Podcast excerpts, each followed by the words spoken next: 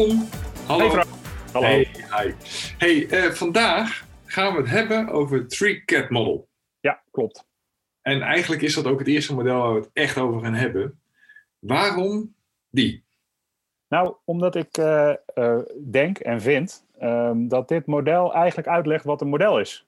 Waarom gebruik je modellen en wat heb je er eigenlijk aan? Dus het is een hele praktische toepassing. Oké, dus het gaat ons ook helpen om de andere modellen ook beter te snappen straks. Ja, dat is wel de bedoeling. Oké, cool. Nou, laten we maar eens eh, gaan beginnen. Maar voordat we het model echt induiken, hè? Ja. Eh, wat, wat zijn nou de belangrijkste uitgangspunten van het model? Wat, wat vertelt het ons? Nou, eh, waar het ehm, in hoofdlijnen op gaat, is dat dit model ehm, ons eigenlijk helpt om eh, de realiteit te kunnen observeren. Hè? We gaan ervan uit dat er één echte waarheid is, één echte realiteit is. Ja, Maar wat we natuurlijk niet moeten vergeten, is dat iedereen op zijn eigen manier naar die realiteit kijkt. Iedereen heeft zijn eigen perceptie, iedereen heeft zijn eigen kleuring, zijn eigen overtuigingen. Ehm, dus eigenlijk ehm, kan niemand in zijn volledigheid die hele realiteit observeren. nee. Dat is ook het mooie ervan, want je hebt dus andere mensen nodig om gezamenlijk een beeld te vormen van hoe die realiteit eruit ziet. Ehm, en omdat iedereen door een andere lens naar deze realiteit kijkt, ehm, is het heel fijn om een heel simpel model te hebben wat je je daarvan bewust maakt. Oké. Oké, dus iedereen kijkt door eh, op een andere, vanuit zijn eigen perceptie naar de realiteit. Ja. Dat is niet hetzelfde als alternatieve feiten, hè? dat is wat anders. Dat is iets anders, ja. Oké, check. Oké, hey, en eh, het, is, het is een three-cat model. Ja. Eh, kun je eens vertellen, hoe, eh, waarschijnlijk gaat het over drie katten. Ja, ja en waarom, er- waarom er drie katten gekozen zijn, dat weet ik niet. Waarschijnlijk omdat dat een mooi dier is of zo, dat weet ik niet.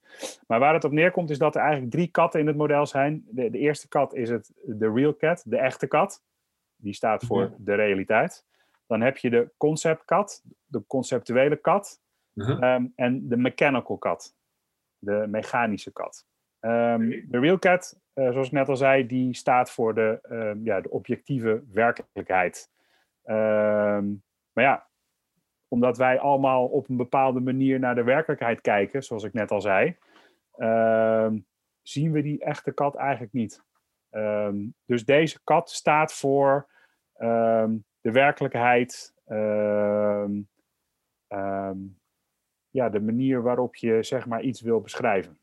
Ja, datgene waar we het over proberen te hebben. Ja, precies. Ja, ja. Ik verval nog even niet in een voorbeeld, die komen later, maar Ja. eh, die, die, die real cat is de werkelijkheid, de objectieve werkelijkheid.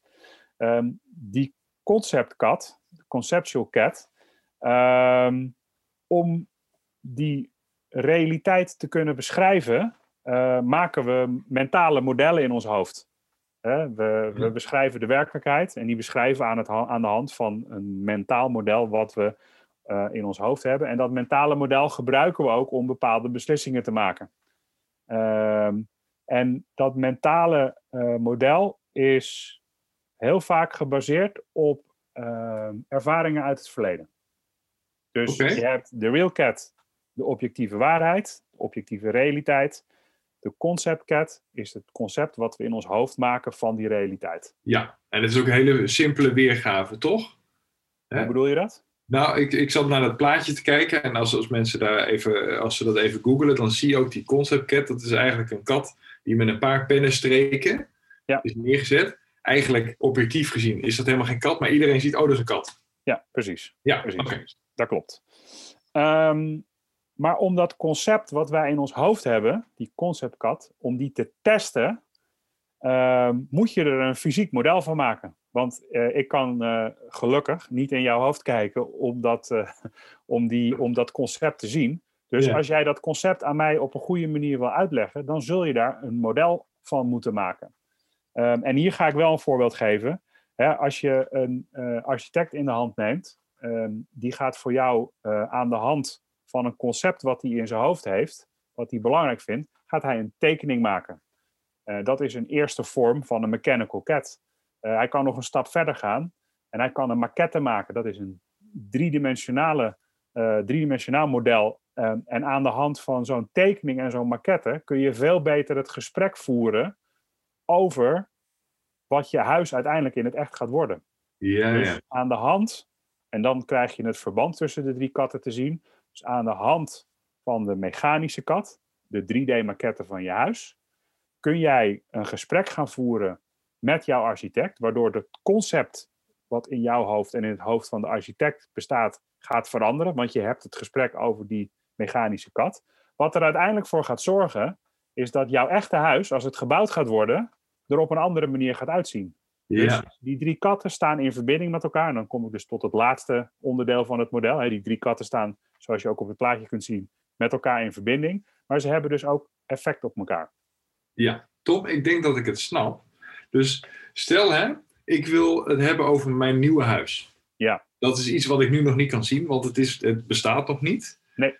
Maar ik heb wel daar ideeën over. En jij bent mijn architect. Ja. Dan vertel ik over mijn concept, hè, wat ik Ja. in mijn hoofd heb. En dan probeer jij dat concept op papier te zetten. En dan stel je de vraag, bedoel je dit?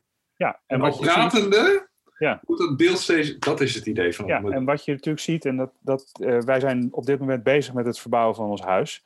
Wat Mhm. dan een architect aan jou vraagt, goh, kun je een moodboard maken? En een moodboard is niks meer en niks minder dan die mechanische kat. Want je kunt wel zeggen tegen je architect, nou, ik vind eh, de landelijke industriële stijl vind ik, eh, heel mooi. Maar ja, jouw interpretatie of jouw invulling van wat landelijk industrieel is, is heel anders dan de invulling van die architect. Als je dat niet visueel maakt, dan kom je daar nooit achter. Dus die architect die vraagt aan jou, wat vind je mooi? Nou, dan ga je plaatjes opplakken van wat je mooi vindt.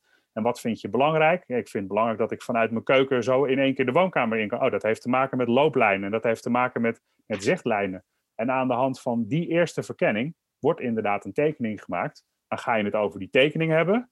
Oh nee, dat moet niet daar, dat moet daar. Nou, en dan ga je naar een volgende model. Dan wordt het opeens een 3D-maquette. Dus je ziet dat daar ook verschillende iteraties, verschillende feedbackrondes in zitten. Om ervoor te zorgen ehm, dat die mechanische kat uiteindelijk het concept wat jullie in je hoofd hebben, jij en je architect, op elkaar gaat aansluiten. Ja, Zodat eh, de real cat, in dit geval je huis, dat als je daarvoor staat, dan, dat je dan zegt, nou dat is precies wat ik bedoelde. En ja, dan zegt die architect, ja knap hè van mij, maar dat is eigenlijk eh, ja, wat je gezamenlijk hebt gedaan. ja. Hey, wat leuk. En ehm, dit is natuurlijk een voorbeeld van een architect en, en jij of ik. Ja. Maar eh, wij gebruiken dit model ook in, in ons werk. Hè. We brengen groepen mensen bij elkaar en die laten we complexiteit hanteerbaar maken of oplossingen bedenken of beslissingen nemen. Hoe werkt dat dan met een grote groep mensen? Nou ja, wat, je, wat je daarin ziet is dat ehm, eh, de complexe problemen of de uitdagingen waar ze voor staan die ze moeten oplossen ook heel vaak te maken hebben met het uitwerken van, het con- van, van een concept of het komen tot een concept. Eh, Ja. Wat ik in een van mijn eh, sessies heb meegemaakt, is dat er een groep mensen waren en die moesten een Center of Excellence neerzetten. Nou, iedereen heeft wel eens een keer gehoord over een Center of Excellence. Iedereen heeft het wel eens een keer gezien. Tenminste, is er naar binnen gelopen. Uh, maar op het moment dat je die moet gaan maken, uh, ja, dan, dan, dan, dan ga je daar gesprekken over voeren. Hè? Dan komt hij weer terug. Dan ga je gesprekken met elkaar hebben over het conceptuele beeld wat je in je hoofd hebt. Ja. Uh, wat wij in onze, in onze interventies doen, is dat we dan vragen aan die mensen van joh, bouw dat nou eens. Maak er een mechanical cat van. Dat is aan de ene kant uh, heel nuttig, want dan kun je namelijk zeggen, nou ik bedoel dit en ik bedoel dat en dan zit dit daar en dan zijn deze mensen daar. En door het visueel te maken kan iemand zeggen, ja maar dat is helemaal niet wat ik bedoelde. Of ik had een heel ander concept in mijn hoofd. Of ik, uh, maar deze mensen zitten daar helemaal niet. En dat komt naar boven door de kracht van het maken van een model gezamenlijk. Uh, daarnaast speelt er nog ook iets anders. Hè? Met elkaar met je handen bezig zijn is een stuk leuker dan op een bord of achter een PowerPoint te zitten om daar een concept uit te werken. Maar waar het uiteindelijk op neerkomt, is dat je dat concept wat je in je hoofd hebt, dat je dat visueel maakt en dat je er op die manier het goede gesprek over kunt voeren. Ja, ja en dat is natuurlijk wel belangrijk, zeker. En wat wij veel tegenkomen is uh, organisaties of, of netwerken van organisaties die praten over allerlei dingen en die nemen dan terloops ook van alles aan. Ja, en dat precies. ze elkaar begrijpen, dat ze hetzelfde bedoelen als ze een woord gebruiken. Precies. En door dit toe te passen, door naar die concepten toe te gaan, dat te toetsen aan elkaar, die, die mechanische katten te bouwen, weet je zekerder dat je ook hetzelfde bedoelt. Dat je uiteindelijk niet elkaar verrast met dingen van, oh, ik had eigenlijk verwacht dat. Dat soort uh, moeilijke nee, ja, gesprekken. Nee, maar precies, precies. En Ja. je, je, zou, um, je zou je ook de vraag kunnen stellen, kun je dit model dan alleen maar gebruiken als je een huis gaat bouwen of een Center of Excellence, eigenlijk iets fysieks. Ehm, en dat is het mooie bruggetje hè, waarom, we dit, waarom we ook met dit model zijn begonnen. Ehm, want je kunt het namelijk ook gebruiken voor iets wat niet fysiek is.